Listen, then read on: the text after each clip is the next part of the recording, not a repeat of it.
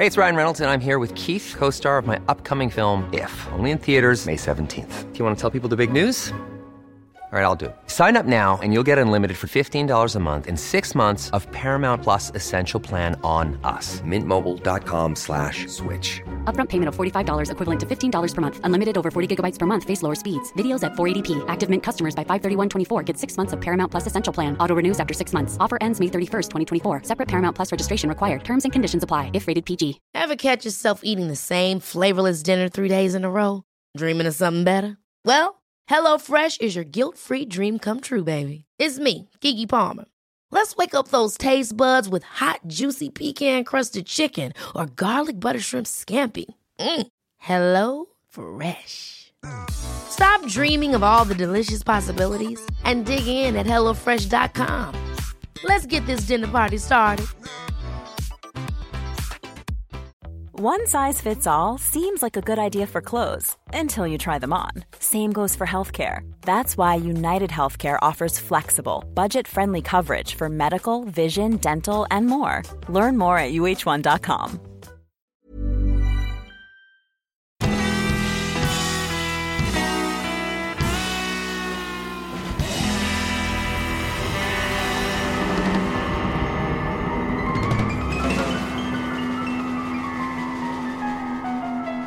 Hej allihopa och välkomna tillbaka till ett nytt avsnitt av Ståpäls. Och det är som vanligt jag, Lukas och... Ida! Ja, och du sitter här bredvid mig Ja, i samma rum. ja. Ja, vi har precis eh, dragit av en eh, träning skulle jag säga. Det lät jättefel. Nej, vi har precis tränat. Mm. Eh, vi dansade. Eh, danssoft på Friskis. Eller hette det inte Mm. Jo, danssoft? jo, danssoft på Friskis online. Ja. Och sen håller Ida på med en fantastisk challenge. Som jag fick prova. Ja, jag har ju börjat hoppa hopprepa Ja.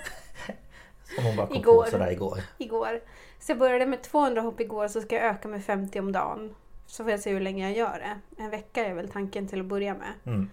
Eh, så idag var det 250 och Lukas vill prova. Ja. Och jag körde 250. Eh, och man blir ju helt Ja, det är jobbigt. jävla... Jag är fortfarande lite andfådd känns det som.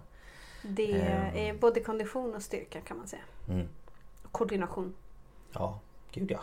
Det är massa saker så att Mm. eh, det, var, det var tufft. Jag är inte van vid att hoppa hopprep så att jag får väl kanske införskaffa mig ett jag också. Ja, jag ska köpa, jag har ju bara något sånt här äh, som man har fått med när man har köpt Dextrosol på Mm. affären. Men jag ska köpa ett riktigt sånt här speed rope. Ja, Så, det är ju lite bättre. mm, Ja, hur är det annars då? det är bra, jag blir trött för nu är det ju, har ju blommorna fått vatten va? Ja. Så att eh, nu bara spottar de ju ut Pollen. allergener. Allergener. Eh, Så att, nej men annars är det bra. Det är varmt. Det är varmt ja. Jag var lite chockad väl- när jag kom ut.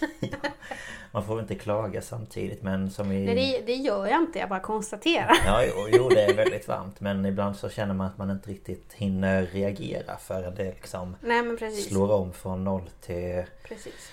plus 22 eller vad vi har. Hur är det med dig då? Jo då, det är väl bra tycker jag. Handfull som sagt men Mm. eh, nej, det är fullt upp som vanligt på jobbet och sådär men eh, Ja, när jag ser fram emot eh, det här eh, avsnittet fast det är ett hemskt avsnitt Mm. på alla möjliga sätt och vis så tycker jag ändå att det är viktigt att ta upp. Mm. Och då kanske ni sitter där hemma i era små kammare och undrar Vad vad är, det vi ska, vad är det vi ska prata om? Och- Jo, vi, vi kallar det i våra anteckningar för mänskliga katastrofer. eh, Mm. Vilket betyder alltså det är katastrofer orsakade av människor. Precis. Och den här veckan så har vi båda valt lite mer terrorinriktat. Ja. Eh, Precis. så att ehm, det är det. Ja. Och eh, det är väl lite som vi har lyssnat på Över min döda kropp med Anna Jinghede och Lena Ljungdahl som Mm. tar upp de här PV PDV, pågående Ja, dödligt våld. eh, attackerna som har eh, varit lite på tapeten. Mm. Ehm, Så det är väl lite så Ja. eh, vi kommer snacka om. ja, så det har ju varit lite tungt för båda oss att göra research den här veckan. Ja, Men det, ja, nej, men det är viktigt. Och jag ska som sagt börja den här veckan. Och jag tänker det kommer bli långt har jag en känsla av. Mm. Så det kanske är lika bra att vi sätter igång. Ja, gud ja.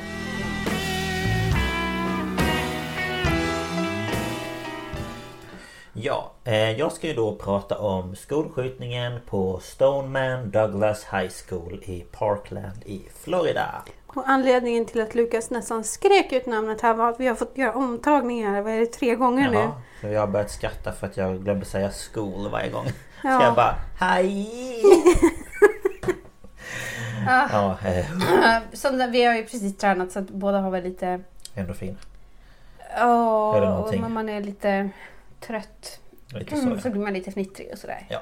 Nej men så det ska jag Så vi, prata vi om. skratt, skrattar ju inte åt att det är en skolskjutning. Nej gud, Mm. nej, det här är jätteallvarliga saker. Fy. Ehm, Okej. Och jag har ju då kollat på en dokumentär som heter Parkland Inside Building 12. Och sen har jag tagit upp lite eh, fakta också från Wikipedia om då skolan. Eh, om eh, en demonstration, March, eh, mar, march March. March for our lives och eh, en Wikipedia-sida om en sång av Eminem. Och sen Eminem. Eminems, såna M&M's vet du. Eminems. Och sen en liten artikel från Fox News. En liten artikel bara. Bara lite sån här fotnot. En liten fotnot i en hörna. Ja. Ehm, ja, Eh, den 12 februari 2018 så namngavs staden Parkland som den säkraste staden i Florida i USA. På alla dag, två dagar senare, så kommer detta att ändras. Mm, det kan man ju lugnt säga, ja. Ja, eh, runt klockan två på eftermiddagen så plockar en taxichaufför upp den då 19-åriga Nicholas Jacob Cruz för att åka till Stoneman Douglas High School. Och skolan den har plats för 3300 elever och man anser att det är den bästa skolan i Florida, eller high school i Florida. Och deras motto är Be positive, be passionate, be proud to be an eagle. För det är väl deras maskot. Ehm, Och en av byggnaderna i skolan, det är nummer 12. Och den delen av skolan består av tre våningar med totalt 30 klassrum. Och den delen kallas även för The Freshman Building eller eh, 1200 Building. Och där går ungefär 900 elever.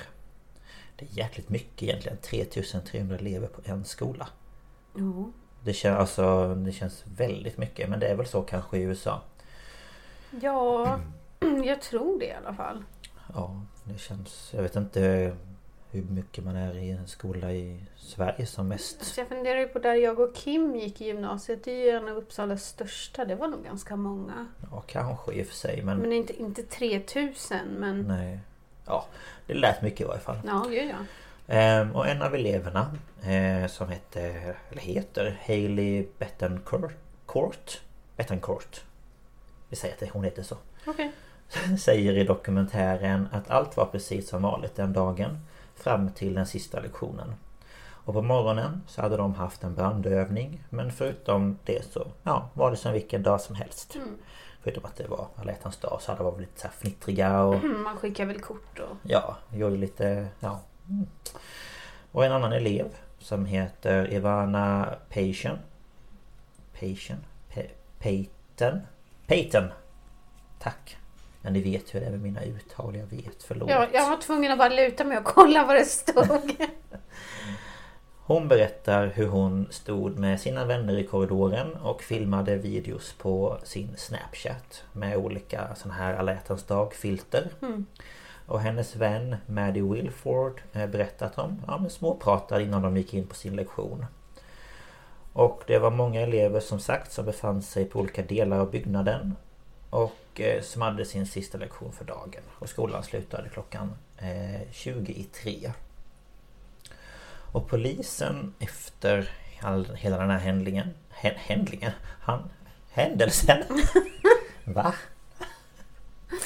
Eh, släppte i april 2018 ett eh, diagram som visar hur alla rörde sig i byggnaden den dagen.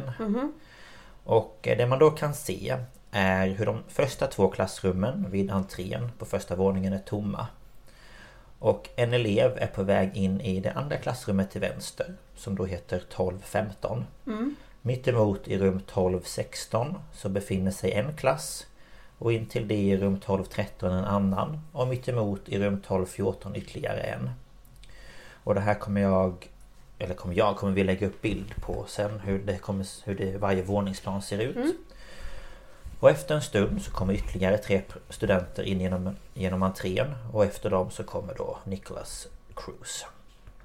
Och han går direkt in genom dörren till höger som leder till trapphuset. Och där ställer han ner en stor svart bag som han öppnar. Och när klockan är, och nu kommer jag berätta liksom eh, vad ska man säga, eh, timme, minut och sekund. Mm. Så när klockan är 14, 21, 27 så går Chris Makina mot trapphuset. Och han går då rakt förbi Nicholas när han håller i ett vapen. Och Nicholas ska ha sagt till Chris att han borde dra därifrån för citat Things about to get ugly. Mm. Och Chris ska då ha gått därifrån för att säga till en vuxen om vad han hade sett. Och klockan 14.21.32, alltså fem sekunder efteråt, så knackar Martin eh, Duke och Luke Hoyer på vid klassrum 1215. Och utanför klassrummet så står även Gina Montal, Montalto. Inne i klassrummet så ställer sig eleven Anna Martins upp för att öppna dörren. Och i klassrummet så pågick det en musiklektion. Så det var ja, musik och grejer igång. Och när hon närmar sig dörren så hör hon ljudet av liksom skottlossning. Mm. Och Niklas har då tagit sig ut i korridoren och skjuter alla de tre eleverna. Och de dör på en gång. Ehm, nästa person att bli skjuten det var Ashley Bess, eller Be Beas, Beas. Hon hade precis varit på toaletten och på väg tillbaka till klassrummet så blev hon träffad. Men hon lyckades ta sig in i klassrum 12 och 10 där hon stannar hela tiden och gömmer sig. Några sekunder senare så går Nicholas mot klassrum 12-16. Och det här var då det första klassrummet som han gick till. Där skjuter han fyra personer på en gång. En av dem var Alex Shaster, Shaster som också blev det fjärde offret som dog. Och han träffades medan han satt vid sitt bord. De tre andra träffas men överlever. Och de andra eleverna slänger sig ner på marken och gömmer sig bakom sina bord och bakom lärarens skrivbord. Och efter att Nikolas lämnar klassrummet så inkommer första larmsamtalet. Och det här är då på engelska så jag ska göra mitt bästa. Så då eh, svarar de 911 What's your emergency? Och då säger en tjej då Please help, please help Stoneman Douglas High School. Och då frågar eh, larmoperatören What school is it? Och då säger tjejen A shooter, a shooter. Okay, is anybody injured? Yes, yes, a lot of blood. Please help, please. Men alltså hon, hon säger ju på en gång vilken skola det är. Alltså bara vilken skola? Ja, jag vet. Fan, det var ju det hon sa. Lyssna vad hon säger. Ja, jag vet. Får ju panik. Ja, och sen efter så kommer det in ett till. Och då är det en eh, eh, pojke eller en kille som ringer. Uh, Marjorie Stoneman Douglas High School is being shut up. It's being shut up. Are you at the school? Och sen är det tyst. I can't hear you. Are you at the school? Och sen du, du, du, så bryts samtalet. Eh, och nu har klockan blivit 14.22.18 Och Nicholas är på väg mot klassrum 12.14 Och där har eleverna delat upp sig i två grupper. Och en grupp gömmer sig i ett hörn som inte syns från fönstret i dörren. För det är alltid så fönster ju i dörrarna. Och den andra gruppen hade eh, då samlats i ett hörn precis mitt emot dörren. Och för att skydda sig så använde de sina böcker som de höll framför ansiktet. Eh, och när Nicholas är utanför skjuter han sönder fönstret i dörren. Och sen skjuter han sedan vilt omkring sig in i klassrummet. Och i den här dokumentären som jag kollade på så kan man då, eller får man se ett klipp från någons Snapchat på hur alla sitter gömda och plötsligt så hör man då skottlossning som kommer från dörren. Mm. Och läraren som var i det här klassrummet Hon säger i dokumentären att hon kunde se dörren från var hon var gömd. Och hon minns att hon tänkte att om han kom in i klassrummet så skulle hon ställa sig upp och säga We love you. För hon menar på att hur kan man skjuta människor som älskar en? Vilket jag tyckte var väldigt... Men hjärtat. Eh, väldigt fint. Man bara... Ja. Eh, och i det klassrummet så träffas sex elever. Varav två vid namn Nick eh, Drorett och Helena Ramsey blev hans nästa offer. Och en elev berättar att hon först trodde att det hela var ett skämt. Och hon säger att hon inte fattade att det var på allvar. Och när hon såg stänk av rött eh, trodde hon att det var någon som sköt paintballs. Eh, men när hon såg Helena så förstod hon att det var på allvar. Och efter att Nick blivit träffad bestämde hon sig för att lägga sig under hans kropp. Och hon låg där i cirka 20 sekunder tills Nicholas gått därifrån. Och hon beskriver hur hon la Nicks huvud mot hans arm så att han inte behövde ligga mot det kalla golvet. Man bara ja... Mm. Eh, och efter detta så rör sig Nicholas till rum 1216. Och där inne är redan en död och tre skadade. Och han börjar skjuta igen och hans nästa offer blev Alicia Aladef och efter det så dör även Alaina Petty och två andra elever skadas. Um, och efter det då, runt 14, 22, 50 så hör Chris Hickson och han är någon direktör inom någon sportgrej på skolan. Jag förstod inte riktigt men Director of Sport någonting. Ja men han är väl eh, sportansvarig helt enkelt. Ja jag, jag tror det. Eh, för det är väldigt vanligt med sporter. Ja men det är ju så extracurricular activities. Det är ju ja. meriterande att hålla precis. på med sport i, i USA i high school. Ja men precis. Och han hör då skotten och eh, springer in i byggnaden för att se vad som pågick. Och då träffas han och skadas och han gömmer sig bakom en vägg. Och nu tar Nicholas sig till klassrum 12-13 och där har eleverna redan gömt sig. Och nu så sätts även brandlarmet igång. Och från en video kan man se elever som har gjort som en vägg av bord som de ligger bakom. Och samtidigt kan man höra skottlossning precis utanför. För, för. Och kort därefter så träffas Carmen Chentrup som dör på en gång. Och tre andra skadas och en av dem är den här Maddie Wilford mm. som jag berättade om i början. Och nu går Niklas vidare i korridoren och går runt hörnet där Chris Hickson gömmer sig. Niklas ser honom och skjuter honom igen. Så han också dör. Och efter det kommer den assisterande fotbollscoachen Aaron Face in i byggnaden. Och efter, efter det då att han hade blivit informerad av den här eleven i början. Mm. Om vad som pågick. Och han gick in i trapphuset på motsatt sida som skjutningen började. Men där är ju då dock Niklas också. Så Aaron skjuts när han liksom går igenom trappdörrarna från vad blev det? Vänster sida och Nicholas kommer från höger sida. Så de så möts. ja, de går ju nästan in i varandra. Ja, och då skjuter han honom. Eh, så han dör på en gång. Mm. Och efter detta så går Niklas upp till andra våningen. Och än så länge så är det 11 döda och 13 skadade. Och det har väl inte ens gått fem minuter? Eh, nej, när han kommer upp på tre, ska vi se, det har väl gått eh, kanske tre minuter. Det kommer lite senare, jag har skrivit upp eh, tider sen. Okay. Mm. Så det kommer, jag är lite osäker på exakt tid. Mm. Och på andra våningen så finns tio stora klassrum varav tre var tomma. Och i resten av klassrummen så hade alla redan hunnit gömma sig så det fanns ingen där som Niklas kunde skjuta. Och alla var tysta och även fast han sköt in i rum 1231 och 1234 så var det ingen som sa eller gjorde någonting. Och han ska även ha högt sagt för sig själv eh, att ingen var där. Och nu var klockan 14, 24 och 20. Och Niklas är då på väg upp mot tredje våningen. Och problemet här är ju att de har inte hört skottlossningen lika tydligt. Eftersom han bara sköt på första våningen. Mm. Så tredje våningen har ju inte förstått vad det är som händer. Nej. För många på den våningen trodde att ljudet kom från en vagn som de brukade ha att eh, bevara alla datorer på. Som kördes upp och ner från olika våningar. Som lät liksom dum, dum, dum, dum. Nej men gud. När den körde.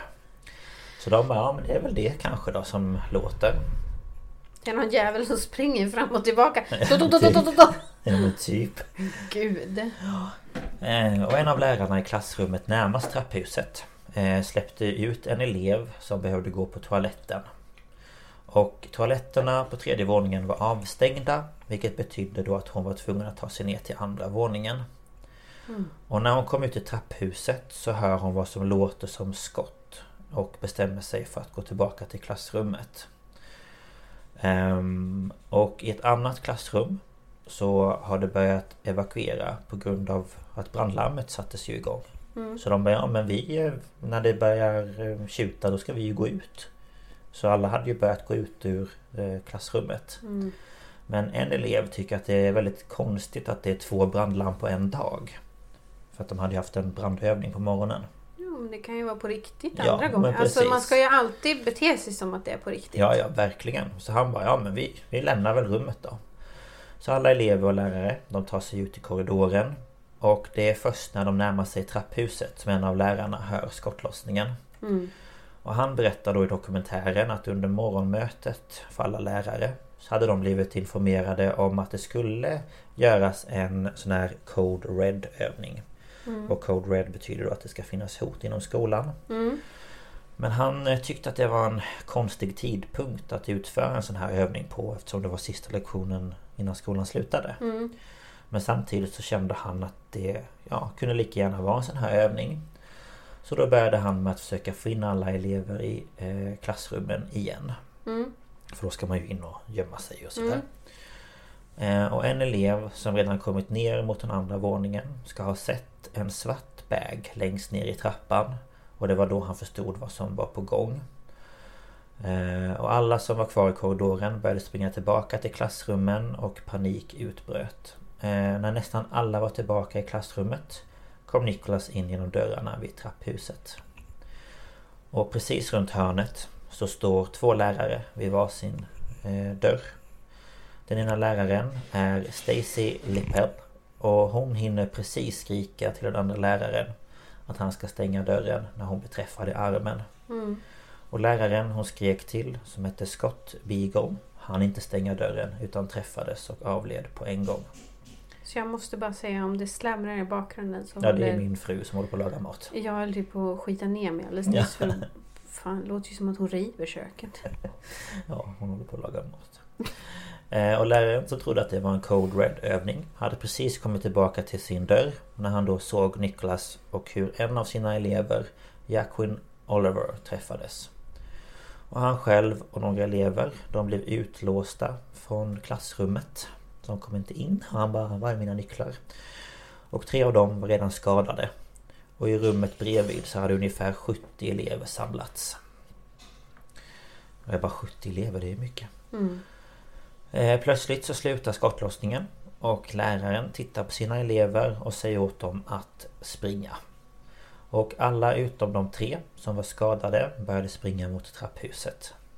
Och på väg dit så blir ytterligare en skadad. Och han blir skjuten i foten och den går nästan av. Men han lyckas ändå springa ut ur skolan.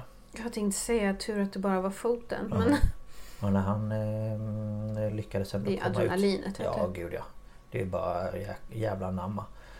Och när de precis kommit in genom dörrarna till trapphuset så träffas Peter Wang och Jamie Guttenberg som båda avlider. Det var två Mm. elever.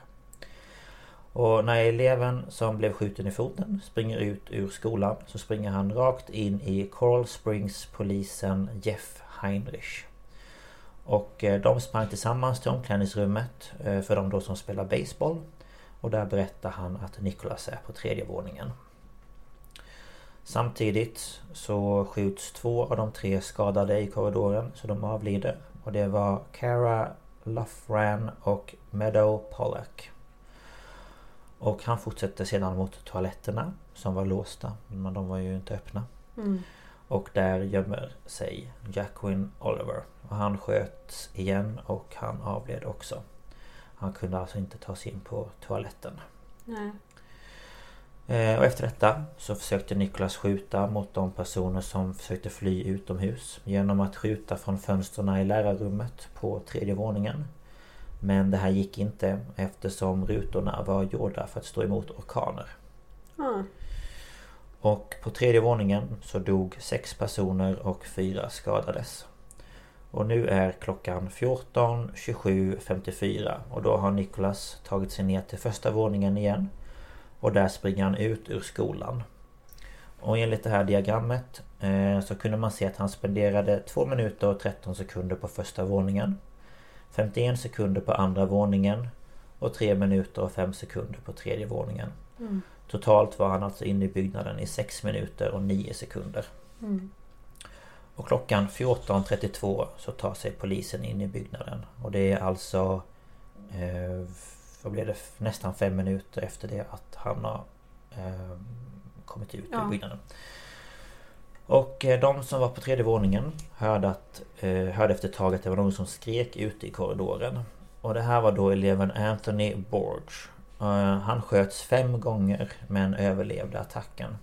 Och i dokumentären så kan man höra hur han skriker efter hjälp. Men ingen vågade ju såklart gå och öppna för de tänkte att det kan ju lika gärna vara ja, skytten. precis. Ehm, och Maddie, hon som skadades i rum 1213 Hon har även eh, träffats flera gånger i magen Och i dokumentären så ser man när polisen kommer in i rummet för att hjälpa henne Och innan de kommer in så har en elev tagit sin jacka och gjort ett förband av den som han har virat runt hennes mage Mm. och poliserna lyfter ut de som är skadade innan de uppmanar eleverna att följa efter dem ut ur klassrummet och vidare ut genom entrén. Mm.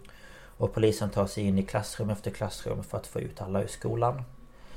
Och de som befann sig på tredje våningen De fick gå i ett led ut genom skolan med händerna på varandras axlar. Och det är ju ganska vanligt att man ser det på bild. Eh, polisen uppmanade alla att inte titta sig runt omkring utan att bara fokusera blicken framåt. Men det här var ju självklart någonting som många inte klarade av speciellt när någon göra. säger titta, inte, titta Nej, bara precis. rakt fram. Då tittar man ju. Ja, Det är som när man står på någonting högt och någon säger titta inte ner. Det är det första man gör. då tittar man ner. Ja. Så att det var jättemånga som sa liksom att Hur ska jag inte kunna se Titta en sista gång på min kompis kanske? Eller hur ska jag Liksom bara kunna gå genom korridoren och det ligger folk där och inte liksom Ja men ta blicken mot dem Så ja, ungefär 14.40 så hade Nicholas tagit sig till det lokala Walmart Walmartet, vad säger man? Den lokala Walmart. Walmart-butiken. Ja, så kan man säga. Tack. Och där köpte han en dricka på Subway. Och polisen de visste inte då att han hade lämnat skolområdet. Men de fick senare rapporterat att han kunde befinna sig vid ett McDonalds i närheten. Och strax innan klockan tre så kom Nicholas fram till McDonalds. Och polisen Michael Leonard eh, tog sig till stället. Och vid den tidpunkten så hade han bara en beskrivning över hur gärningsmannen såg ut. Och polisen fick syn på Niklas och stannade sin bil och drog sitt vapen.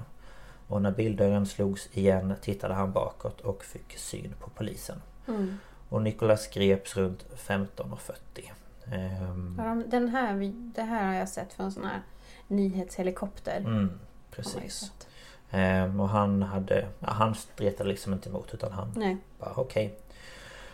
Och... Det är ju eh, väldigt vanligt, eller ja, det är ju ovanligt att han inte gjorde ett så kallat suicide by cop. mm, För det är väldigt Det är vanligt i sådana här situationer. verkligen. Att de eh, agerar hotfullt mot polisen för att polisen ska skjuta ihjäl dem. Ja, precis. Men nej, det gjorde han inte. Eh, och eh, vem var då Nicholas Cruz? Eller vem är han rättare sagt? Han föddes den 24 september 1998 i Margate i Florida. Och Han adopterades vid födseln av Linda och Roger Cruz. Båda adoptivföräldrarna dog. Eh, Roger 67 år gammal år 2004 och Linda 68 år gammal i november 2014. Och jag bara... Behöver vara tvungen att räkna ut vad det var för någon skillnad på dem. Och det var 14 års skillnad på dem. Vad tragiskt. Ja. Eh, Och detta gjorde då att Nicholas tre månader innan skjutningen var föräldralös. Och han var en före detta elev på skolan men blev avstängd från skolan 2017 på grund av disciplinära skäl. Och eh, han har haft beteendemässiga problem sedan mellanstadiet. Under tre år bytte han skola sex gånger tills han i eh, år 2014 hamnade i en skola för barn med känslomässiga eller inlärningssvårigheter. Okej. Och det fanns rapporter om att han hotade de andra eleverna. Så när han kom till Stoneman Douglas så fick lärarna ett mail där de varnade om Nicholas och att han hotat andra elever. Det är verkligen att set someone up for failure. För att om de får veta att bara så du vet så är han jättehotfull. Då kommer ju alla behandla honom som att han är det. Ja. Han får ju aldrig en fräsch Start. start. för alla har ju förutfattade meningar. Jag förstår ju såklart att de måste förvarna om att han har aggressiva tendenser. Ja, Men det som händer är ju att man börjar behandla honom för någonting som han inte har gjort än. nej men precis. Och det, det kan ju också liksom vara fel men sen samtidigt i detta fallet så... Alltså, ja, jag, jag ska berätta mer så att det, ja. Och flera bekanta till familjen, de visste att han misshandlade sin mamma. Han ska ha hotat henne, attackerat henne fysiskt, tvingade henne att göra saker åt honom och stal även från henne. Och han ska även ha hotat sin bror samt förstört familjens hem. Linda såg honom som ond men vågade inte rapportera till någon om hans beteende. Och en kollega till honom hade hört honom prata om att han tänkte attackera skolan efter att han blev avstängd. Och innan dess, år 2016, ska Florida Department of Children and Families gjort en psykiatrisk undersökning av honom. Detta efter att eh, Snapchat-inlägg där han skar sig i båda armarna och planerade att köpa en pistol.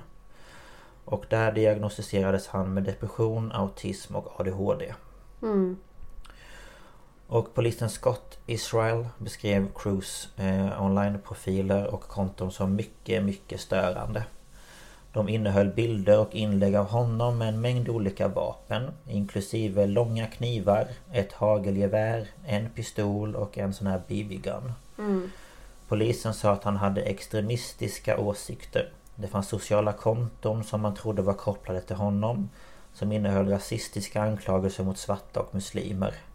Det ska även finnas kommentarer på Youtube från Nicholas där det står att han vill döda massor med människor.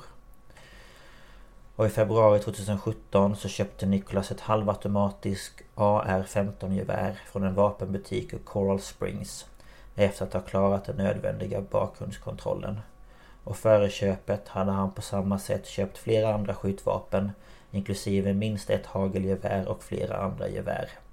Alltså här är någonting, hade liksom det här fångats upp när han var liten så hade ju det här kunnat han kan kunnat fått liksom behandling och stöd. Och hjälp. Och då kanske han för det första inte hade känt så men för det andra så kanske också hade, han inte hade kunnat få köpa vapen för att han har aggressiva tendenser. Och sen så att de inte har någon riktig kontroll på hur många vapen du köper. Precis. Så, så länge du går till olika butiker, det är ju som folk kan få 15 recept från olika läkare. För läkarna har inte koll, Nej, koll på, på att du har. varit hos någon annan tidigare. Nej. Nej men precis. Så det är ju väldigt problematiskt allt det här tänker jag. Hela Ja, det, det är ju liksom flera steg där det, det hade kunnat förändrats eller förhindrats helt. Mm. Ja. Och det hade kunnat bli... Och. Liksom, det, det är väldigt grundliga problem i USA Mm. allihopa. Alltså vapenlagar och hur man behandlar folk som har olika funktionsvariationer eller Precis. alltså Ja ja. Men så jag bara tänker på om föräldrarna hade liksom tagit tag i det här redan när han var kanske men säg fyra, fem, Ja. sex. Och han hade kunnat fått gå i en bra skola från första början. Mm. Fått den vård han behöver, kanske medicin, Mm. Terapi. Allt det här så hade ju liksom... Ja Men, ja. men så är det också det att är man i en socialt utsatt situation så har man inte råd. Nej, man det är det pengar. också. Oj gud. Ja men verkligen. Och det är ju liksom... eh, Det är ju... Det, det är liksom bara... Allt är bara... Så, så fel. Samhället har ju svikit den här människan så många gånger. Mm. Och sen ska det liksom behöva leda till det här. Vilket Mm. För att samhället helt, inte tar sitt ansvar. Ja, vilket är helt galet. Ja. Ja, men i alla fall trots då de här varningarna om Nicholas eh, från skolpersonal och personer inom polisen så lyckades han ändå genomföra en av de dödligaste skolattackerna i amerikansk historia. Och under attacken så fanns det endast en annan person på skolan som var beväpnad. Och det här var då skolpolisen Scott Pe- Peterson. Under attacken gick han inte in i byggnad 12 en enda gång. Han ska i efterhand sagt att han trodde att skotten kom utomhus. Alltså utifrån. Men då måste han ju ta reda på var kommer de ifrån då? Ja, nej men det Det är ju lite inte. hans jobb. Mm. Och han ska även ha sagt att alla skulle hålla sig borta från byggnad 12 då skotten kom därifrån. Man bara, eh, you say what? Det här har vi ju fått lära oss i eh, eh, Anna och Lenas podd. Mm. Att när det gäller pågående dödligt våld. Då ska egentligen en polis slå av alla de här naturliga Mm. reaktionerna som att skydda sig själv. De ska ju bara stoppa och- det här. Ja, in och skjut den jäveln. In och stå, avbryt. Ja. Bara avbryt det. Ja. Det är typ enda gången som en polis verkligen ska sätta sitt eget liv på För, spel. ja. För att avbryta det här så fort som möjligt. Ja, men tänk om han hade hört de första skotten. Man, Och man bara kunde erkänna att jag hade fel, jag gjorde Ja, fel. nej men det gör han ju inte. Eh, och han har då också sagt eh, då under den här attacken att varken polis eller räddningspersonal skulle komma dit. Man bara... Va? Och detta har ju då självklart upprört många inblandade och många tyckte att han agerade väldigt fel. Åtta dagar efter attacken gick han i pension efter att han hade blivit uppsagd av polisen Scott Israel. Men han har inte velat medverka i någon dokumentär eller någonting för han tycker Nej, inte att han han- har gjort rätt, äh, fel menar jag. Eller så är det det att han har det och skäms. Ja, man kan ju hoppas. Men ändå så borde han ju stå till svars för vad han har gjort. Men ja, ja. Eh, Under inspelningen av dokumentären så var byggnad 12 permanent stängd och väntade på att rivas. Vilket jag förstår. Att man inte vill ha kvar den liksom. Och då kommer vi lite till domen här och det är lite problematiskt. För att han är dömd till mord på 17 personer och att han har skadat 17 till. Och rätten, de yrkar på dödsstraff. Men Nicholas säger att han erkänner bara om han får livstidsfängelse. Eh, och på grund av Corona, eh, ja, pandemin som vi alla vet att den har varit och är. Eh, så har domen ännu inte fallit. Nej okej. Så det finns ingen dom på honom. Nej. Eh, och den 24 mars 2018 så hjälpte aktivister vid skolan till att anordna en demonstration som då heter March for our lives. Och den drog eh, åt sig över en miljon människor världen över. Och den här demonstrationen den genomfördes till stöd för att få igenom en lagstiftning om vapenkontroll. Det här kommer man ju också ihåg. Ja, gud ja. Och den här då ägde rum i Washington DC och planerades av Never Again MSD och den ideella organisationen Every Town for Gun Safety. Och under demonstrationen så höll eleven och överlevaren Emma Gonzales ett tal där hon bland annat var tyst i 6 minuter och 9 sekunder för att visa på hur lång tid Nicholas befann sig inne i byggnaden. Och den 27 mars 2018 så släppte Eminem låten Nowhere Fast.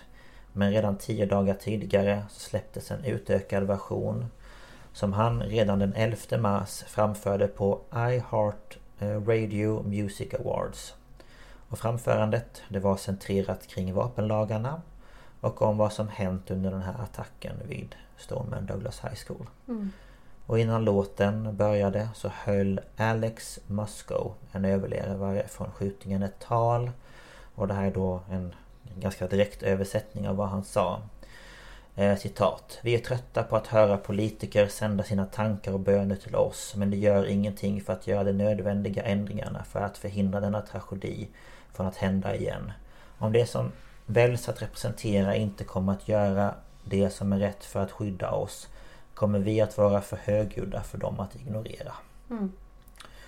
Eh, och Eminem eh, han har även gjort en annan låt om skjutningen i Las Vegas under den här countryfestivalen som heter Darkness och den tar också upp vapenlagarna i USA. Så det var det. Ja, jag kommer ju ihåg allt det här när det Ja. hände. Jag såg ju livesändningar och... Men det är bara så här Och den här, det här halvåret Jag hade tänkt ta upp en annan också eh, Som vi kommer ta upp i ett annat avsnitt Men det var liksom Typ fem stycken på bara den här vår, den våren. Eller Ja, jag någonting. läste ju upp Ja. det när, när vi skulle kolla upp vilken skola, för vi kommer ihåg den här tjejen höll tal. Mm. Men just eftersom det var så många så kom vi inte ihåg vilken skola var det hon Nej. stod för. Nej men precis. Eh, och det var ju... Massor. Men alltså det var ju bara som när jag kollade i år. Ja. Det har ju varit typ fyra stycken i år. Mm, jag vet. Och ingen gör någonting åt att det ska bli svårare att kunna få köpa vapen. Nej, och det är frustrerande för oss för vi kan ju inte göra någonting för att påverka heller. Nej, menar här i Sverige då du måste ha en vapenlicens. Och, Och du, du, får, måste du, ha får, den... du får den för ett specifikt vapen. Du ska typ ha jakt och du vill ha det här vapnet. Och sen, sen måste du ha ett vapenskåp. Du, Mhm. måste du får inte ha ammunition och vapen på samma ställe. Nej. Det kommer en kontrollant och kollar Mm. ditt vapenskåp. Och sen är det som så att du kan få fler licenser men ja, vad jag har förstått så kan Mm. du liksom inte ha 10 stycken 9 mm pistoler. Nej. Utan det är någon slags Ever catch yourself eating the same flavorless dinner three days in a row? Dreaming of something better? Well, HelloFresh is your guilt-free dream come true, baby. It's me, Gigi Palmer. Let's wake up those taste buds with hot, juicy pecan-crusted chicken or garlic butter shrimp scampi. Mm. Hello Fresh. Stop dreaming of all the delicious possibilities and dig in at HelloFresh.com. Let's get this dinner party started. Hey, it's Ryan Reynolds, and I'm here with Keith, co star of my upcoming film, If, only in theaters, May 17th. Do you want to tell people the big news? All right, I'll do it. Sign up now and you'll get unlimited for $15 a month in six months of Paramount Plus Essential Plan on us. Mintmobile.com slash switch. Upfront payment of $45 equivalent to $15 per month. Unlimited over 40 gigabytes per month. Face lower speeds. Videos at 480p. Active Mint customers by 531.24 get six months of Paramount Plus Essential Plan. Auto renews after six months. Offer ends May 31st, 2024. Separate Paramount Plus registration required. Terms and conditions apply if rated PG. De räknar liksom ut, jaha okej du har ett hagelgevär, det har den här kalibern. Och så liksom Mm. Ja, det de- slås ut. Så då kan du ha ett litet vapen eller så har du fyra små och inget stort. Alltså det, Mm. Jag är inte jätteinsatt i systemet Nej. men det är nog sånt. Ja. Eh, Men så där- man kan inte ha hur många vapen som helst. Nej. Men där är det du, kan, du behöver vara myndig, du måste klara ett skjuttest och sen kan du köpa ett vapen. Ja. Man bara, men alltså va? Eh, och det är också någonting jag tänkte säga att som jag har reagerat lite på. Jag håller på med magnetfiske och kollar jättemycket på det på Youtube. Och i USA, om det är så att de hittar ett vapen via magnetfiske och de inte får fram någon så här serienummer, då får de behålla vapnet. Om de då kan, ja de bara du kanske kan städa upp och se om det går att skjuta igen. Mm, och här Man får bara- du inte ens behålla det även om det är obrukbart. Ja nej nej du får inte behålla någonting överhuvudtaget. Vi, ska, vi måste ju ringa in till polisen om vi hittar liksom en ammunition. En kula liksom. Ingenting får man behålla. Mm. Nej, för Medans- det är brott mot vapenlagen bara att ha ammunition på sig. Ja. Så det är... eh, Ja nej. Väldigt galet. Och Mm. eh, jag tror det är svårt. För jag menar vi som här i Sverige. Vi har aldrig behövt... Vad ska man säga? Det finns ju olaglig vapenhandel. Mm. Eh, som man kan oroa sig för. Men i USA är det liksom att var och varannan person har det. Och de Och- får ha det... Alltså... De, det finns alltså delstater där det är okej att ha ett dolt vapen på sig. På skolor, på Mm. flygplatser. Och jag menar det, jag vet inte, jag tycker bara att Och många i USA känner att ja men det är min säkerhet, det är min trygghet. Ja, men om Men ingen, köp en jävla överfallsspray. Ja eller om ingen skulle ha vapen då hade du inte behövt oroa dig för att du skulle behöva ha ett vapen. Nej alltså där, du kan ju gå med kniv där. Du bryter inte ens mot knivlagen. Nej jag vet. Och det är liksom här, även om jag har licens på en Glock 9 mm säger vi. Jag kan ingenting om vapen så jag Mm. Nej, bara säger nej, namn som jag. jag... Ja. Det betyder ju inte att jag får gå runt med den. Nej. Utan jag har ju ett specifikt syfte. Jag måste ju säga, ja men jag tävlar. Ja, Okej, då får du ha den. ja.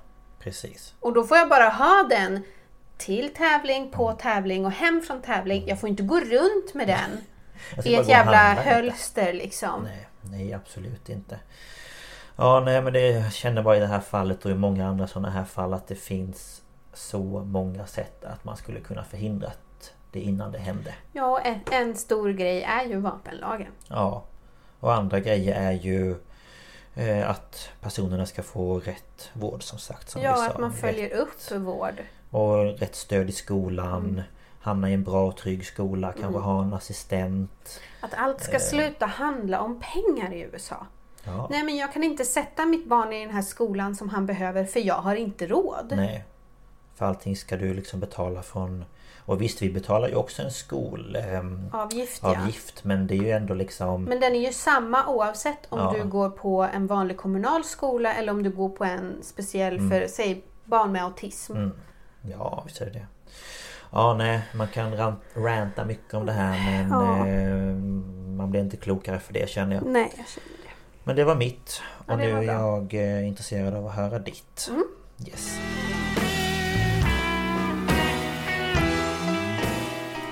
Madrid. Det är torsdagen den 11 mars 2004. Morgonens rusningstrafik är i full gång och invånarna i staden är på väg till skola och arbete. De flesta tar sig fram med hjälp av stadens pendeltåg, Cercanías. Ingen är medveten om att dagen kommer starta med den värsta terrorattacken i Europa i fredstid. Interesting. Mm. Så jag ska alltså ta upp bombningarna i Madrid 2004. Yes. Eh, mina källor kan jag ta på en gång. Det är ju som vanligt Wikipedia, Aftonbladets artiklar, Mm. eh, en eh, dokumentär från SVT av eh, Justin Webster som heter Bomberna i Madrid och den är från 2007. Mm. Och en rapport från Socialstyrelsen som du hittade Just ja. som heter The Terror Attacks in Madrid, Spain eh, 2004 Comida Report 90. Mm. Eh, den är ju väldigt detaljerad. Väldigt, väldigt, väldigt detaljerad. Ja, Så det är alltså det är inte bara en som har skrivit utan det här är ett gäng med, ja, ja. med läkare, forskare, alltihopa. Eh, så ja, Mhm. jag kommer ihåg det här. Jag var 12 men jag kommer ihåg det. ja, det gör jag också. det mm. Men jag Ja. visste inte att det var så länge sedan. Nej, det visste inte jag heller. Men eh, jag börjar berätta lite om Madrid. Mm. Det är huvudstaden i Spanien och det ligger i hjärtat av den Iberiska halvön i mitten av den kastilianska slätten 646 meter över havet.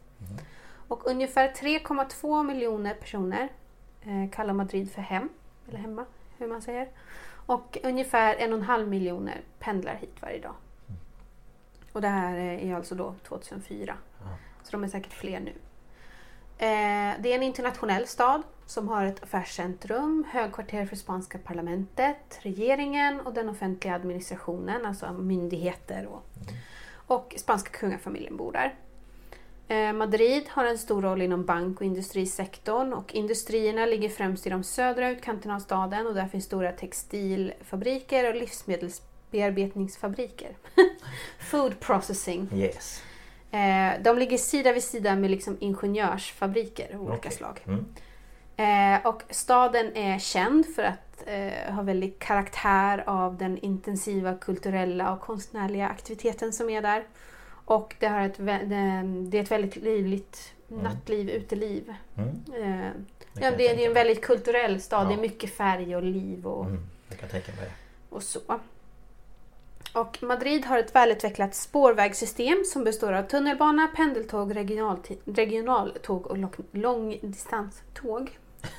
Vad sa du att det hette va? Vad sa du? sa du? Eh, tågspåren drivs av Renfe som är förkortning av Red Nacional de los Ferrocarriles Españoles. Mm. Eh, det är alltså spanska nationella spårverket. Eh, det är SJ fast Ja. i Spanien. Eh, tunnelbanan drivs av staden Madrid. Det är ungefär som här.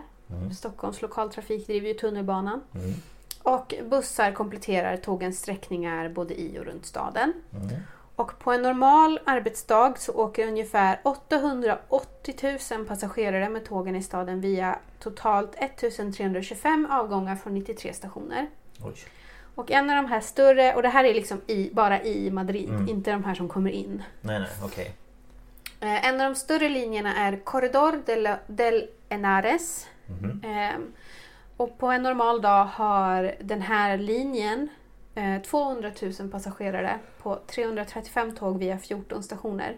Och i jämförelse så har hela SL, alltså pendeltåg, bussar och tunnelbana i hela Stockholms län 600 000 passagerare på en dag. Oj. Ja, det är lite skillnad. Eh, och det här är 200 000 på bara en linje. Mm. Ja, det... Eh, så att eh, nu har vi fått en liten Mm. känsla för det. Så nu kommer vi till själva händelserna. Mm. Och klockan är 07.00 på torsdagen den 11 mars 2004 och morgontrafiken rullar på som vanligt från centralstationen eller det är inte en central... Är det den som är... Nej, det är inte den som är centralstation. Ursäkta. Det är en vanlig station som heter Alcalá de Henares på Corredor del Henares-linjen. Mhm. Ehm, och 20 tåg åker liksom på spåren för att eh, få plats med alla Ja, resenärer. ja, Så mm. de går väl med ganska jämna mellanrum kan jag tänka. Mm. Eh, en resenär på stationen berättar vid ett senare tillfälle för myndigheter att han såg tre unga män med huvudtröjor stå vid en bil, en skåpbil utanför stationen. Och att en gick iväg mot tågen med en ryggsäck och en väska och de andra två stannade kvar vid bilen. Och han, det var någonting med det här som kändes lite underligt. Okej. Ja. Eh, och i den här bilen skulle man senare hitta detonatorer och ljudband med eh, uppläsningar från Koranen. Ah. Men 07.39 så anländer ett tåg till centralstationen Acho- At- Atocha. Mm. Jag vill säga Achocha. Achocha. Atocha. Mm. Eh, och när dörrarna öppnas för att släppa av och på resenärer exploderar tre bomber i vagn 3, 4 och 6. Ja. 29 personer omkommer omedelbart och 115 skadas. Och man tror att effekten av bomberna mildrades något av att dörrarna var öppna. Mm. För det blir inte lika instängt. Och första larmsamtalet kommer in i stort sett samma minut. Eh, och första ambulansen var på plats sju minuter senare och totalt så skickades 102 ambulanser hit och platsen evakuerades på en timme och 41 minuter. Och alltså i Spanien så har de liksom flera olika räddningsgrupper kan man säga. De har liksom som SOS Alarm har sina, sen har de Okej. något lokalt som har sina och de, alltså, tillsammans då så skickar de 102 ambulanser. Okej. Ja. Det var lite rörigt så jag tänkte jag tar inte upp det så mycket. Nej, nej. Det här var alltså 07.39. 07.43 exploderar en bomb ombord vagn 4 på ett tåg vid stationen Santa Eugenia. Den här gången var tågets dörrar stängda Mm. och explosionen dödade 17 personer och skadade 52 och det blev stora skador på stationsbyggnaden. Första larmsamtalet kommer samma minut och första ambulansen var på plats nio minuter senare och hit kommer totalt 52 ambulanser och platsen var evakuerad på en timme och 15 minuter. 07.47, alltså fyra minuter senare, så anländer ett dubbeldäckat tåg mot stationen El Pozo. Tror jag man säger. Det är El Pozo eller El Pozo, men jag säger El Pozo. Mm. Eh, och samtidigt exploderar två bomber i vagn 4 och 5. Och faktumet att det var ett dubbeldäckat tåg och att dörrarna var stängda gjorde att skadorna blev ännu värre. Ja, såklart. Så 67 resenärer dödades. Jäklar. Få överlevde i vagnarna där bomberna var placerade. Ja. Och av de 56 skadade så var, ju, var majoriteten folk som stod på plattformarna. Eftersom den här attacken var den tredje så tog det längre tid att mobilisera Ja, räddningstjänsten. Eh, och första samtalet kom in 07.47, alltså samma minut. Alltså folk är väldigt snabba på att ringa på hjälp. Ja, ja. Väldigt, väldigt snabba. Och det är ju bra. Ja, I och för sig. Och det tog 15 minuter för första ambulansen att komma dit och totalt så kom 46 stycken. Efter en timme och 10 minuter hade alla skadade körts från platsen och ytterligare odetonerade bomber och ett misstänkt föremål hittades under räddningsarbetet. Och de var inställda på att explodera när räddningsmanskapet var på plats för att orsaka mer skada. Och det här är enligt spanska dåvarande inrikesministern Angel Acebes. Eh, Och det här sa han i ett direktsänt tv-tal. Men anledningen till att de inte hade sprängts var för att timern hade blivit satt på 12 timmar för sent. Jaha. Oh, vilken jävla tur. Mm. Två minuter efter att dubbeldäckaren exploderar 07.49 så exploderar bomber ombord på ett tåg när det rullar in mot stationen Teleth, eller Tejeth. Mm. Eh, och de exploderar när tåget är ungefär 500 meter från perrongen. Två bomber exploderar i vagn 5, en i vagn 1 och en i vagn 6. Dörrarna på tåget var ju stängda eftersom det var på väg in. Så effekten blir ju maximal. Och många av de 65 som omgång kast, omkom kastades ut ur tåget Oj av eh, tryckvågen. Vilket tryck. Eh, tanken var att bomberna skulle detoneras när tåget var på stationen men tåget var lite sent. Ah, Eh, så ingen utanför tåg. tåget skadades. Okej. Men ah, alla som skadades var ombord och det var 165 personer. Första samtalet kom in samma minut igen. Mm. Eh, och första ambulansen var på plats åtta minuter senare och efter två timmar och 28 minuter hade alla evakuerats. Och jag antar att det här tog ju lite längre tid eftersom det inte var på, stationen. Nej precis. De ska ut på spåret och jobba liksom. Ja. Eh, 14.00 kommer de första siffrorna. Och då sa man att 175 personer hade omkommit och 898 hade skadats. Och vid 17-tiden så börjar man städa upp på platserna. Och redan vid 19 så börjar man köra vissa linjer i staden igen. Okej. Då har man väl kollat igenom allting. Ja. Vilket jobb att städa upp. Ja, Det är ju inte bara alltså, delar från tåget utan det är ju delar från ja människor. men det berättar ju brandmän och så vidare Ja. att de gick ju och plock, det var ju, de plockade armar och ben. Fy. Det, Ja, hemskt. Mm. Eh, Hall C på Ifema som är en slags utställningslokal eller liksom mass, vad heter det, mässhall. Mässhall ja. ja. Masshäll. Masshäll. eh, den ligger i utkanten av Madrid. Den här fick bli ett tillfälligt bårhus. Mm. Just det, Hall C då. Den här hallen hade en takhöjd på 15 meter och totalt 10 800 kvadratmeter och man använder ungefär 4 200 av dem. Okej. Hela byggnaden, eh, temperaturen i byggnaden sänks till en temperatur på 4 grader. Okej. För att, Ja, man ska... Mm. eh, och polistekniker fick uppgiften att identifiera de som kom till hallen och allt eftersom kroppar anlände så såg man till att alla antecknades noggrant och man placerade dem i rader, en för varje olycksplats. Ah, okej. Eh, de första obduktionerna inleddes 13.20 på fem portabla obduktionsbord och ungefär 30 minuter senare så hade man lyckats få dit sju bord till så man kunde obducera 13 stycken samtidigt. Okej. Och man använde sig av Interpols identifikationsprotokoll, alltså det är väl en sån här checklista. Mm. Eh, och om man inte kunde identifiera en kropp på en gång så tog man en bild på personen och tog dess DNA för analys. Mm. Senare så blev utrustning för röntgen tillgängligt, för man tänker på med tandkort och så vidare. Men det var inte mycket till hjälp eftersom man inte kunde få fram offrens tidigare bilder. Nej. Eh, och då är det ju i stort Ja. sett värdelöst. Ja. Klockan 01.30 på natten på fredagen så hade man identifierat alla döda och då var man uppe i 191 offer. Oj. Och vid 21 samma dag, alltså då på kvällen, Mm. så hade 155 kroppar getts tillbaka till familjerna. Okej. Och det här gjorde man i ett separat område på Ifema. Och eh, då hade man gjort i ordning dem, gjort dem lite Mm. fina och Mm. men, tvättat av dem Ja. och så vidare. Eh, och man hade också terapipersonal på plats Ja. för att ta hand om de anhöriga. Ja, det lär ju behövas. I 37 fall så behövdes DNA för att man kunde sätta identitet på ett offer. För man kunde inte Okej. se vem det var. Nej, okej. Nej, jag tänker det lär ju vara de som satt närmast bomben. Mm. Tänker jag, för där lär ju inte finnas mycket kvar. Nej. Efter att man har lämnat ut de här hemskt. 155 personerna så behöver man inte längre ha den här stora hallen. Nej. Så då flyttar man till en kyrkogård i Madrid som hade tillgång till kylrum och där fortsatte man arbeta i tält. Eh, och då fortsatte man ju med det här med DNA-analysen på de här 37 Mm. kropparna. Eh, och den 17 mars, alltså en, nästan en vecka senare, så hade man identifierat alla kroppar. Okej. Och det var 68 forensiska patologer som hade arbetat i skift dygnet runt. För att alla Ah. skulle få, få, Ja. få veta, är min anhörig där?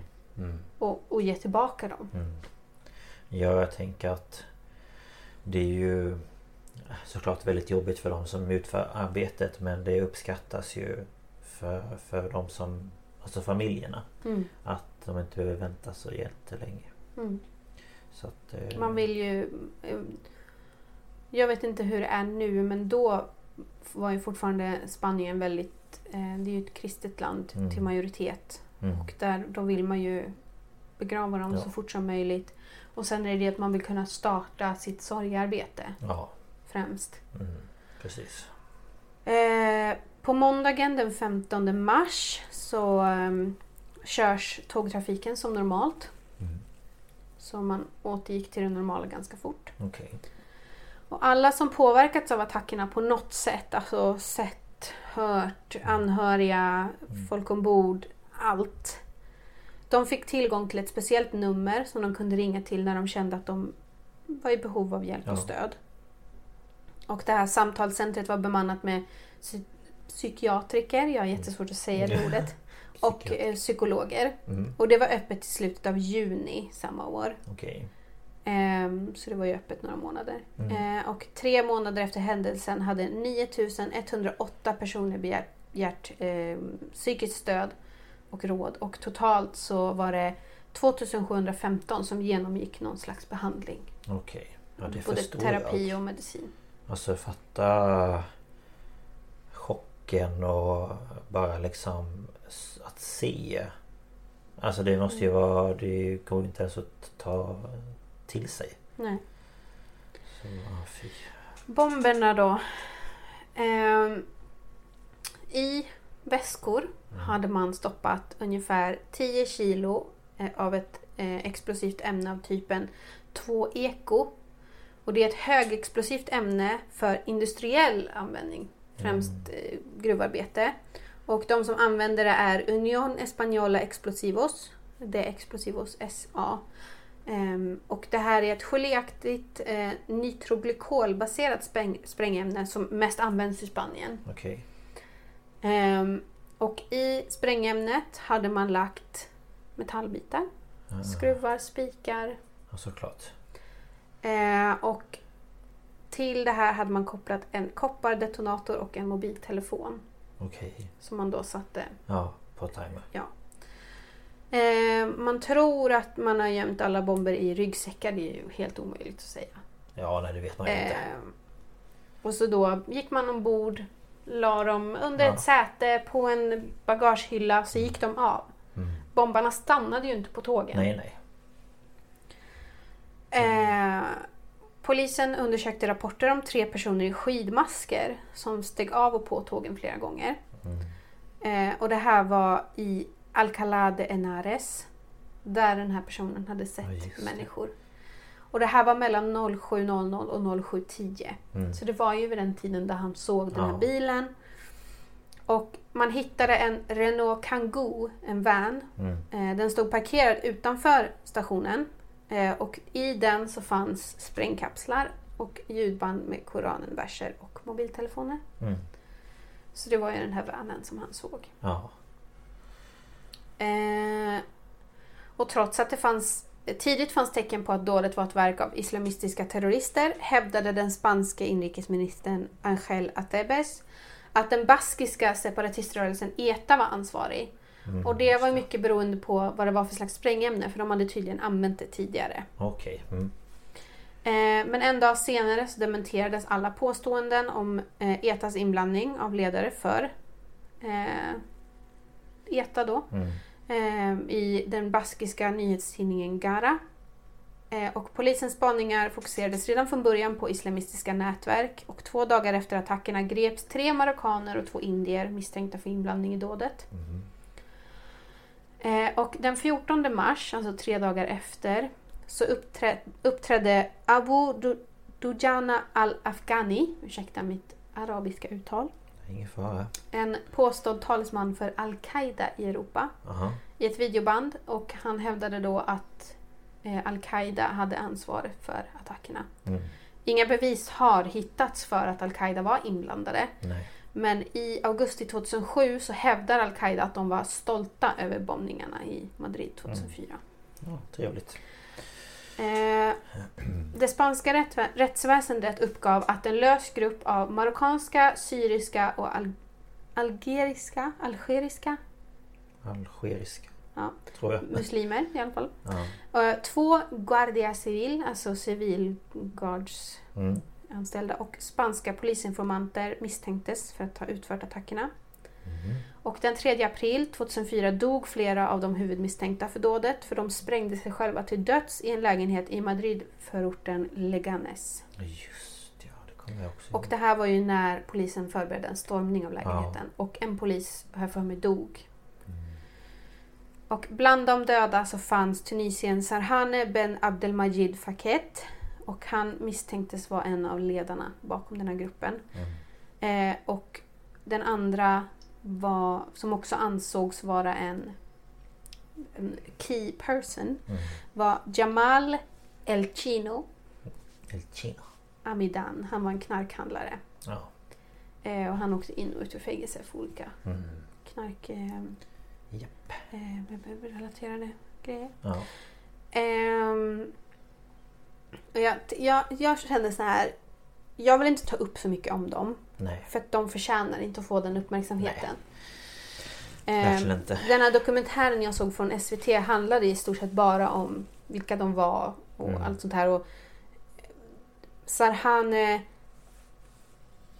och Jamal ville vara goda muslimer. Mm. Men sen så drogs de ju till såna här extremistiska... Mm. Det fanns någon, någon som hette Ab- Abebas eller någonting tror jag. Mhm. Kommer inte ihåg.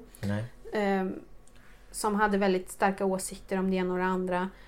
Eh, så de började säga emot imamen i moskén så till slut så blev de utkastade. De fick inte Ah, vara där. Okej. Och den här imamen sa att de i stort sett hade sagt att ja, men, om man inte hade de här åsikterna så var man ingen riktig muslim. Okej.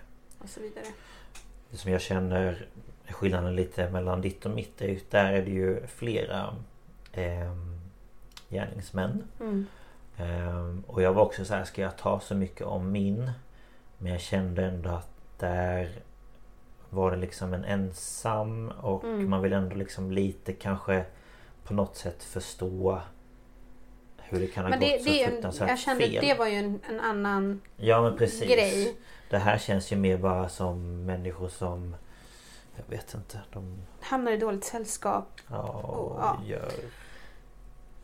De är dumma i alla fall. Eh, Jamal hade också en, en spansk flickvän och de andra var på honom och bara Du kan inte vara tillsammans med henne, hon är kristen. Mm, Men han sa ingen bestämmer över mig och de hade en son tillsammans också. Okej, ja. Men i alla fall, eh, Jamal var den som tog med eh, 270 kilo sprängmedel till ett, hy- ett hus. Ett hus. Ett hus de hyrde utanför Madrid. Mm, Eh, där de liksom samlades och den här cellen som man kallar det. mm, Och 200 kilo delades upp på 13 väskor med en mobil i varje som Mm. utlösare. Eh, och bland de här självmordsbombarna så fanns också den efterlyste marockanen Abde, Abdenabi Kunja eh, och en terrormisstänkt vid namn Asri Rifat Anwar och en man som inte har identifierats. Det var alltså de som sprängde sig i den här lägenheten. Mm. Den 11 april 2006, alltså två år efter attentatet, eller attentaten, jag vet inte hur man ska benämna det, så anklagar domare Juan del Olmo 29 misstänkta för deras deltagande i tågbombningarna. Tre anklagas för att ha plac- placerat ut bomberna, de andra som har gjort det är döda eller på flykt. Okej. Tre anklagas för att ha planerat eller anstiftat dådet och övriga anklagas för att ha varit medlemmar i terroristcellen eller för att ha samarbetat med den. Mm, Okej. Ja, det var ju en del. Ja, och rättegången eh, mot de här 29 tilltalade inleddes inte förrän 15 februari 2007. Mhm. För att det är mycket som ska ihop. Ja. Alltså. Eh, och eh, enligt El País, alltså en tidning, eh, demonterade domstolen en efter en eh, av alla konspirationsteorier liksom, Mm. som kom upp och visade att varje koppling till eller inblandning av att ETA skulle då ha varit med var antingen vilseledande eller grundlösa. Mm, Okej. Så de bara så här, det är inte ETA, ni Nej. kan sluta tjata om det. Ja, okej. Eh, under rättegången drog de tilltalade tillbaka sina tidigare uttalanden och förnekade någon inblandning alls. Och enligt tidningen El Mundo är frågorna om eh, av vem, varför, när och var Madrids tågattacker planerades Mm. är ju fortfarande obesvarat. Man har ju det här huset som man tror att mycket har hänt i. Mm. Men ehm, det är svårt att säga eftersom Ja, de man tror var ledare är ju, är döda. ja, de är ju döda. Ehm, Även om rättegången gick smidigt under de första månaderna så inledde 14 av de här eh, 29 tilltalade en hungerstrejk i maj Såklart. och protesterade mot den påstådda orättvisa rollen i, som eh, då media och så framstod. Den fick dem att framstå. Okej. Eh, men domare Javier Gomez Bermudez eh, vägrade avbryta rättegången trots strejken och de avslutade sin protest den 21 maj. Den sista utfrågningen eh, under rättegång då hölls den 2 juli 2007. Och den 31 oktober 2007 meddelar Auden, Audiencia Nacional i Spanien, domarna. Eh, av de 29 eh, tilltalade fanns 21 skyldiga på en rad anklagelser från förfalskning ända upp till mord. Och eh, två av de tilltalade dömdes till mer än 40 000 års fängelse. Eh, ja, eh, du får sitta i 40 000 år. Undrar om du hinner komma ut Eh, mm. innan du dör. Eh, den 31 oktober föll domarna mot de här. Eh, eller, ja, mot 28 personer som pekats ut. Jag Mm. vet inte vad som hände med den sista. Det är lite Det, oklart. ja, det är lite oklart. Men det, Men sju friades Jaha. och 21 fälldes. Och de strängaste straffen var ju de här 40 000 år i fängelse. eh, ja. Eh, men de tre personer som utpekats som de som varit med och planerat det här med de här andra två jag tog upp. Eh, de frikändes. Det finns väl inga bevis på att Nej, de nej. hade en sån stor roll. De har väl Okej. satt det på de andra liksom. ja. Och det här har ju orsakat otroligt starka reaktioner. Ja. Och i slutet på det här, den här dokumentären som jag såg så är det då åklagaren, det är en kvinnlig åklagare, nu kommer jag inte ihåg vad hon hette. Nej. Men hon står där när domen har kommit och hon säger det här är för... Och så läser hon upp ett namn och så bara som förlorade sin son. Och så läser hon upp ett annat namn och så, så här. Och då är det en som hon läser upp ett namn och så säger hon som förlorar sin man och sin nio, nio månaders dotter. Usch. Och där, Ja, då brast det. då, det blev för mycket för mig. Ja, men fy. Usch. Totalt så avled ju 191 personer och 2050 skadades i bombningarna. Och en minnesgudstjänst för offren eh, hölls den 25 mars 2004 i Almudena-katedralen. Mm. Och där eh, deltog kung Juan Carlos den första tillsammans med drottning Sofia, offrens familjer och representanter från många andra länder inklusive den dåvarande premiärministern i Storbritannien Tony Blair, den dåvarande franska presidenten Jacques Chirac, den tyska förbundskanslern Gerhard, Gerhard Schröder och USAs dåvarande utrikesminister Colin Powell. Mm. Och efter terrorattacken i Madrid 2004 utsågs den 11 mars till en minnesdag i, inom EU för terrorismens offer. Mm. Det förstår jag. Ja, det är helt galet egentligen. Att man... För mig är det liksom svårt att bara så här... Hur kan man ens tänka tanken att man ska göra en sån här sak? Men de ser ju bara, om man då tar islamister, de ser ju oss, för vi ingår ju där, som inte har den, deras tro. Ja. Vi är ju bara otrogna. Ja, vi är ju jo. ingenting, vi är ju skräp. Jo men såklart. Så är det ju. Men det är ju så här... Eh, finns det inte bättre sätt att förmedla den, det budskapet? Ja, men det var ju imamen där i den här moskén, nu kommer jag inte ihåg vad den eh, hette. Eh, han sa ju att de med den här eh, starka islamska Mm. tron eh, de ser ju Europa som någon slags krigszon. Mhm. Där de måste liksom föra krig mot kristendomen, judendomen, alla andra. Okej. För att skapa ett muslimskt land. Det ska vara liksom... Okej. Och de kände väl, eh, enligt vad han liksom fick känslan av, Mm. som att men det här land, eh, Europa är ändå en krigszon så vi kan göra vad fan vi vill. Mhm. Okej. De bara, nej det får ni inte. Ehm, så de hade ju en väldigt eh, skev syn på det här. Man bara, det finns olika eh, eh, trosuppfattningar. Ja, men så Ehm. finns det ju, alltså om man tänker kristna, de försökte ju få undan alla andra Ja, religioner. jag vet. Det finns de ju... de enda som inte har utfört något slags sånt där är väl judarna. De blir bara utsatta hela tiden. Känns det Ja, som. Jag är inte jätteinsatt i Nej, jag är det. inte heller insatt i det men Ehm, jag tänker mest bara att... ehm, att eh, ja men det blir, det blir väldigt tokigt liksom. mm, Såklart. När, eh, eh, man har sådana... För jag menar det finns ju extremister när det kommer till alla. alla olika. Du kan vara höger och vänster och... Ja, men alltså, det finns Eh, extremism i allt. Ja. Träning, mat. Ja. You name it.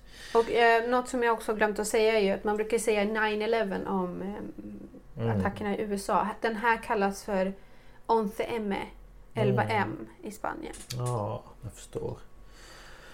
Ja, nej det var bra. Ehm, man blev matt.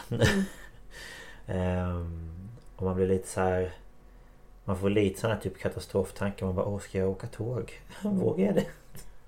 Ja, speciellt som det här med... Alltså jag minns ju när eh, attentatet på Drottninggatan hände. Då satt ju jag på ett pendeltåg och skulle åka in till Stockholm. Mm. Jag var i Solna. Ja, det var ju Solna. För att vi, skulle, vi jobbade på samma ställe då. Mm. Vi skulle ha AV. Vi skulle ha filmkväll. Vi skulle köpa pizza och ha filmkväll hos en kollega. Och tåget bara stannade och jag bara skrev till det. Jag bara nej, det är signalfel igen. Mm. Och så hör jag folk börja muttra. Bara, det, det, det, att det, det är eh, terrorattack. Och jag bara, vad snackar ni om? Ja. Och sen började du skicka länkar. Ja. Och min brorsa skrev till mig och bara, är du okej? Ja, du bara, ja. Jag bara, ja. Ja, Jag vet, det var... Man får ju liksom, det blir något så här... Och jag var ju på jobbet så jag var ju tvungen att hålla mig lugn för barnens Mm. skull. Ja, och ni fick ju inte lämna. Nej vi fick ju inte ens gå från jobbet så att eh, nej, det var ju stresspåslag deluxe. Och om man tänker jämfört med det här då så var ju det ändå en liten händelse. Ja, om man jämför med de, alla de här döda. Jag menar så man tänker också att det var ju ingen, det var ingen bombning. Det var ju en galen bomb. människa med ett stort fordon. Men bomberna hade väl, de funkade ju inte. Nej, Så det hade ju kunnat bli värre. ja. Men eh, de detonerade ju aldrig. Men man blev, ju, var. man blev ju lite nojig efter det. Ja. ja gud, jag kommer ihåg när jag skulle gå igenom eh, För då åkte jag ju pendeltåget till eh, Centralen i Stockholm och sen skulle jag ta tunnelbanan. Och när man går i den här liksom korridoren Mm. Där nere i tunneln till tunnelbanan det liksom det är så mycket folk och man blir så man bara, men gud tänk om det är någon här inne som har någonting alltså på man sig. tänker bara som i USA. De kan ju bara plocka upp ett automatvapen Ja. och bara börja snurra runt och skjuta. Så dör Ja. ju hur många som helst. Eller någon som går där i mitten och bara pum, och så Ja, bara exploderar hela skiten. Och det är ju liksom i berggrunden. Det är Mm. ju så instängt som det bara kan bli. Det kan orsaka ras. Ja. Och, Ja nej så det, då hade jag ju lite eh, vad heter det, ja, men, eh, katastroftankar eh, i några månader efter Mm. Men vi, vi grät ju på kvällen när vi liksom väl Ja. hade kommit hem och vi hade fått mat i oss. Då satt ju vi i soffan och grät. Ja, Så att man kan ju tänka hur, hur det känns när det är något sånt här stort. det är liksom... ja, Det är bara Och vi så... såg ju ingenting. Det var ju bara chocken av att Ja, nej, ju runt ingenting. om. Ja, ja, ja, ja. Jag såg bara mammor som kom och skulle hämta sina barn som hade varit mitt uppe i det. Mm. Och då blev man ju lite så här, oh shit. Vad är det som händer liksom? Men eh, ja, nej. eh, Det är eh, fruktansvärt. Ja, verkligen. Och det är väl som min kära mor brukar säga att den sista idioten är inte för den. Nej. Så det lär ju ske fler gånger. Ja.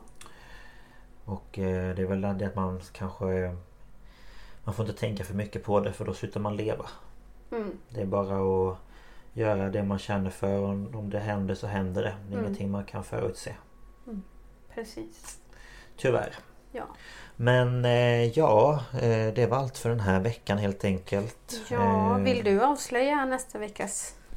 Det kan jag göra. Eh, Tema. jag gillar att jag tryckte på min telefon som att det skulle automatiskt ploppa upp. Ja, jag såg det. Jag bara, Eh, nästa vecka blir det svensk historia. mm, det kan ju vara Så- vad som helst. Ja men precis. Eh, Allt från Slaget vid Poltava. vikingatiden fram till nutiden. Då. vi får någonting intressant i historien helt Ja. enkelt. Vi tänkte det. Så det blir det. Och Mm. vill du berätta var man kan nå oss någonstans? Ja, eh, ni kan, jag tycker att ni ska följa oss på Instagram på Stapals podcast. Mm. Eh, ni kan nog söka på ståpäls så kommer det upp. Eh, annars är det utan prickarna över ät och ringen över ået. Ja just ja. Man får inte ha det på Instagram. Men där kan ni följa oss, skriva till oss, kommentera. Vi lägger upp bilder för varje avsnitt om vi vill dela med oss av bilder. Eh, Och det läggs upp om ett avsnitt skulle bli försenat eller någonting sånt. Eh, Och sen kan ni mejla oss om ni vill på staphalspodcast gmail.com Och där kan ni ju, kanske om ni har något längre som ni känner, känner är för långt för Instagram. Ja. Eh, om ni har tips om eh, någonting ni vill att vi ska ta upp eller om ni har återkoppling eller så. Mm. Så är det bara att höra av sig. Det blir vi tacksamma för. Ni får gärna också eh, betygsätta oss där ni lyssnar om det går där ni lyssnar. Mm. Eh, för att det hjälper ju oss att synas. Verkligen. Och eh, ni får gärna sprida. Ryktet om att vi existerar och finns. Ja, men om det är någon som pratar om någonting som ni tänker oh men det har ju Ståpäls tagit upp. Då kan ni ja, tipsa dem. men precis. Det är, skulle betyda mycket. Mm. Men eh, ja, tack för den här veckan. Tack så mycket. Ha det så bra. Mm. Så hörs vi igen nästa vecka. Ja, hej då! Hej då!